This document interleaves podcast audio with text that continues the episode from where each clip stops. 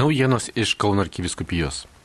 Kauno arkiviskupas Kestutis Kievalas kartu su Lietuvos ir tarptautinė žydų bendruomenė, užsienio diplomatais, vyriausybės atstovais ir kauniečiais lapkričio 25-ąją meldėsi Kauno 9-ame forte, minint holokausto aukas.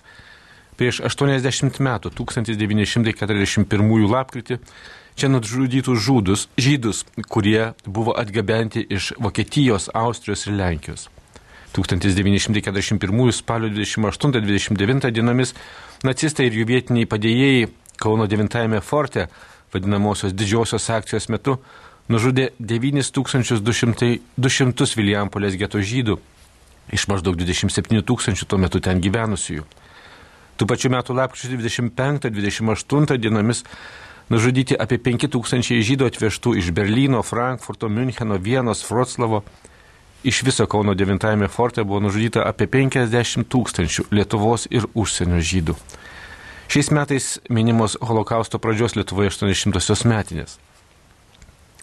Savo žodėje 9 forte arkiviskupas Kestutis Kievalas be kita ko pacitavo ir šventojo popiežiaus Jono Pauliaus antrojo tekstą Mes atsinimename Šoa katastrofos apmąstymas, kuriame popiežius rašė. Meldžiame, kad mūsų liūdėsys dėl tragedijos kurią žydai iškentėjo šešimtmetį, būtų paskata naujiems santykiams su žydų tauta. Praeities nuodėmių suvokimą norėtume paversti tvirtų pasiryžimu kurti naują ateitį, kurioje niekada nebebūtų antijudaizmo tarp krikščionių ar antikrikščioniškų jausmų tarp žydų, bet priešingai vyrautų abipusė pagarba, kaip ir dera tiems, kurie garbina vienatinį kurieją ir viešpati ir turi bendrą tikėjimo tėvą Abraomą citavo arkivyskupas Kestutis Kievalas ir šio minėjimo pabaigoje spontaniškai pasimeldė anglų kalba, atsižvelgdamas į tai, kad tarp susirinkusiųjų į pagerbimo ceremoniją buvo didelė dalis užsieniečių. Maldoje arkivyskupas išsakė atgalą dėl to, kad prie šios tragedijos įvykdymo buvo prisidėję ir mūsų tautiečiai krikščionys. Sikiu arkivyskupas meldė viešpatį apglėpti žuvusiuosius savo ištikimąją meilę ir leisti jiems džiaugtis dangaus karalystėje. Kauno arkiviskupijos interneto svetainėje tekstu ir savo mintimis bei išgyvenimais dalyjasi Vokietijoje šiuo metu gyvenanti buvusi mūsų bendradarbė, kuri lapkričio 9-ąją dalyvavo Münchenė prie sunaikintos sinagogos monumento vykusiame renginyje Augsburgo ir Müncheno žydams atminti. Jie 1941 m. lapkričio 20-ąją pirmosios deportacijos metu iš Müncheno traukinių stoties buvo ištremti į Kauną ir lapkričio 25-ąją 997 Müncheno žydai buvo nužudyti 9-ame forte. Holokausto aukos buvo paminėtos ir lapkričio 23-osios vakaro maldoje Kauno arkikatūroje bazilikoje, draugė su mokytojais ir moksleiviais. Šventosiams mišioms vadovavęs kunigas Artūras Kazlauskas kvietė melsi Dievo gailestingumo ir kad tokie kraugeriški aktai daugiau niekada nepasikartotų. Už žydų tautą išgyvenusią skaudžią represijų ir sunaikinimo tragediją vakar melstas ir švenčiausios trybės seminarijos bažnyčioje Kaune. Čia paskutiniais mėnesių ketvirtadieniais arkiviskupijos bendradarbiai, draugės su seminarijos bendruomenė, vėl rengia maldos vakarus pavadintus Jei tiki, kad Dievas gali.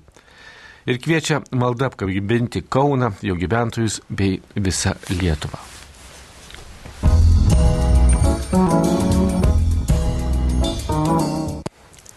Kauno katedra nėra vien istorinė katalikų bažnyčios Lietuvoje šventovė, bet ir tikėjimo bei vilties liūdėjimas ir šviturys tikintiesiems, kurie ją lanko. Sakė praeitą sekmadienį Kauno bažnyčio katedroje sveikinęs apaštališkasis nuncijus Baltijos šalims arkiviskupas Petras Ra Antonas Raičius.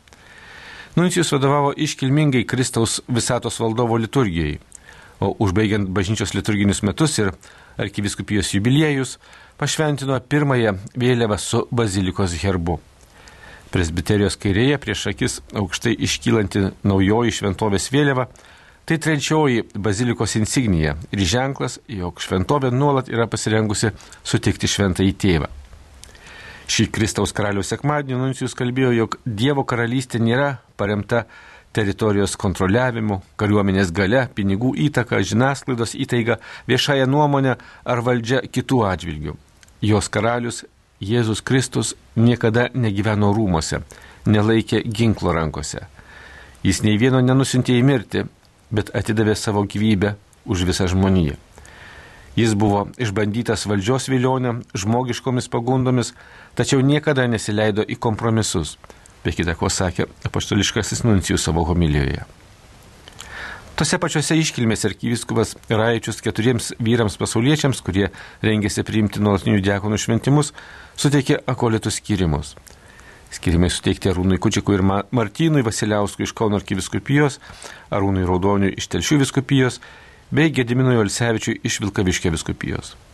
Akolitų tarnystė bažnyčioje skiriama patarnauti švenčiantiems Euharistiją ar ją priimantiems.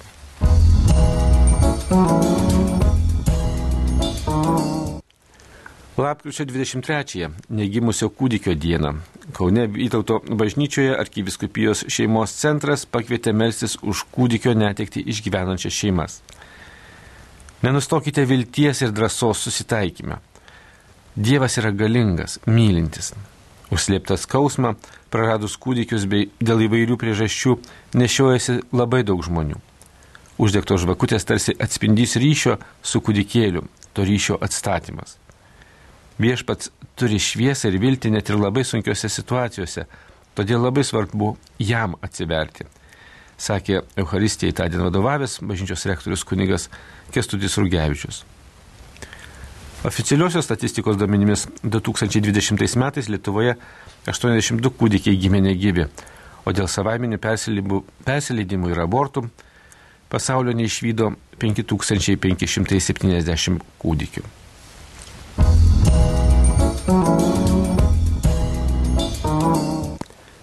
Kauno arkiviskupijos šeimos centras pradėjo naują sužadėtinių grupių vadovų mokymus. Sutoktinių poras iš keturių Kauno arkiviskupijos dekanatų padrasinės ir palaiminės arkiviskupas Kesutis Kievalas ragino dalytis su sužadėtiniais patirtimi, pristatyti savo gyvenimo situacijas, išvalgas, ateinančias ne tik per gerasias patirtis, bet ir per tas valandas, kurios atrodė kaip didžiausias pralaimėjimas. Nuo praeitą savaitgalį Kauno arkiviskupijos jaunimo centras organizavo jaunimo silovados pagalbininkų akademiją, kurioje susitiko daugiau nei pusė šimto bendradarbių. Katechetai, tikybos mokytai, parapijų jaunimo vadovai, katalikiškų organizacijų lyderiai ir parapijose tarnaujantys savanoriai atsiliepė į galimybę stiprinti darbo su jaunimu gebėjimus bei susitikti su kolegomis. Nu, tesdami gyvą artimo meilės liūdėjimo tradiciją, kviečiame atsiliepti į nieko nekainuojančią, bet daug dovanojančią akciją. Ir gruodžio 8-ąją, trečiadienį, galime prisidėti prie vienos kilniausių savanorystės veiklų, tai kraujo donorystės akcijos, kuri bus organizuojama Kauno arkiviskupijos kūrijoje. Šios ir kitos naujienos išsameu Kauno arkiviskupijos interneto svetainėje bei socialinio tinklo Facebook paskyroje. Marijos radijo iš Kauno Darius Chmeliauskas.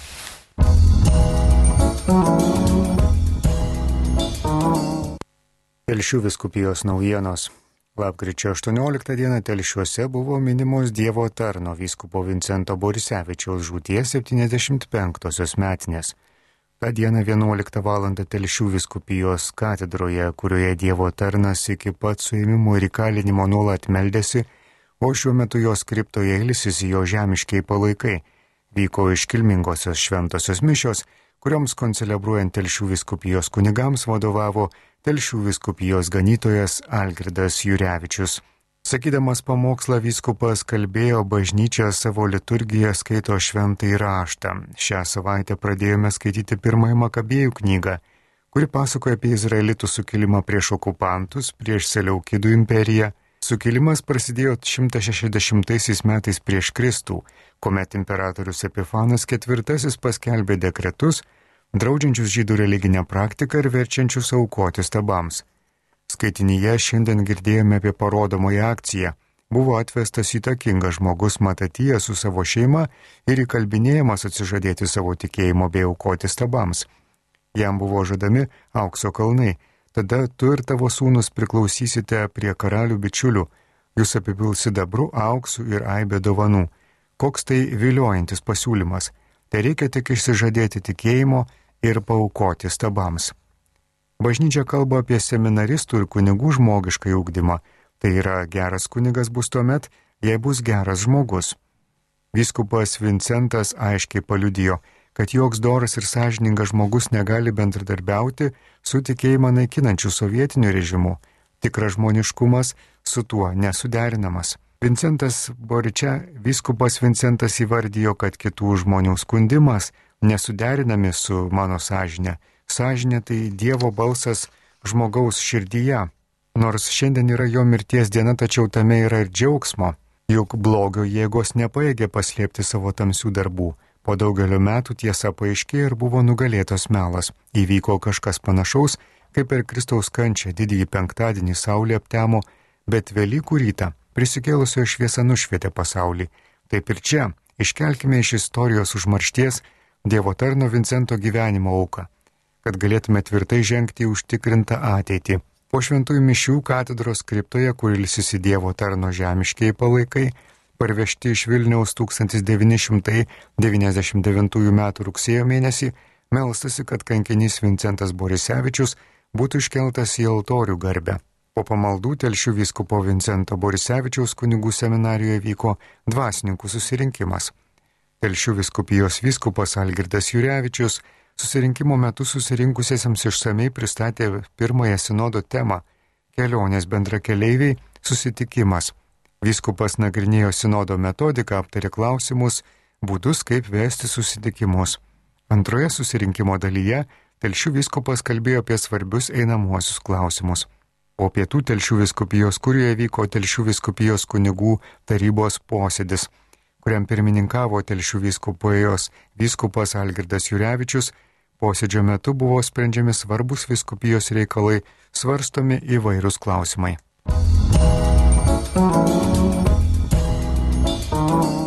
Lapkričio 20-ąją iš visos telšių viskupijos į telšius rinkosi katalikiškasis jaunimas, kur šventė tradicinę jaunimo dieną.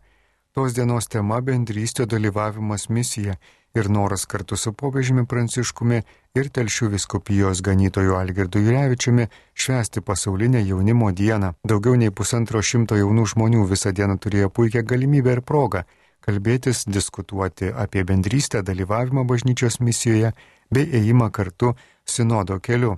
Ryte susirinkęs jaunimas buvo registruojamas, po sveikinimo žodžio susirinkusieji jauni žmonės, jų globėjai bei dvasios vadai turėjo puikių laiką, žiūrėdami telšių Žemaitės dramos teatro vaikų ir jaunimo studijos savie spektaklį skaitome apie meilę. Telšių viskupijos katedroje 12 val. buvo aukojamos šventosios mišios. Jų iškilmingai liturgijai vadovavo Telšių viskupijos ganytojas Algirdas Jurevičius, kuris taip pat pasakė ir pamokslą. Jaunimo tikėjimo ir bendrystės šventė telšiuose paliudė apie tikinčių jaunų žmonių troškimą kurti ateitį, aktyviai įsijungti bažnyčios gyvenimą bei pasiryžimą bendrystėj, dalyvavimui ir misijai. Tos dienos vakarą jauni žmonės atnaujinę savo pasiryžimą ir motivaciją gyventi gyvojų tikėjimu, palaiminti ir palydėti misijai, su nauju įkvėpimu grįžo į savo aplinką, kad ten liudytų savo įtikėjimą. Informaciją parengė kanauninkas teologijos licencijatas Andriejus Sabaliauskas, perskaitė Andrius Sakalauskas.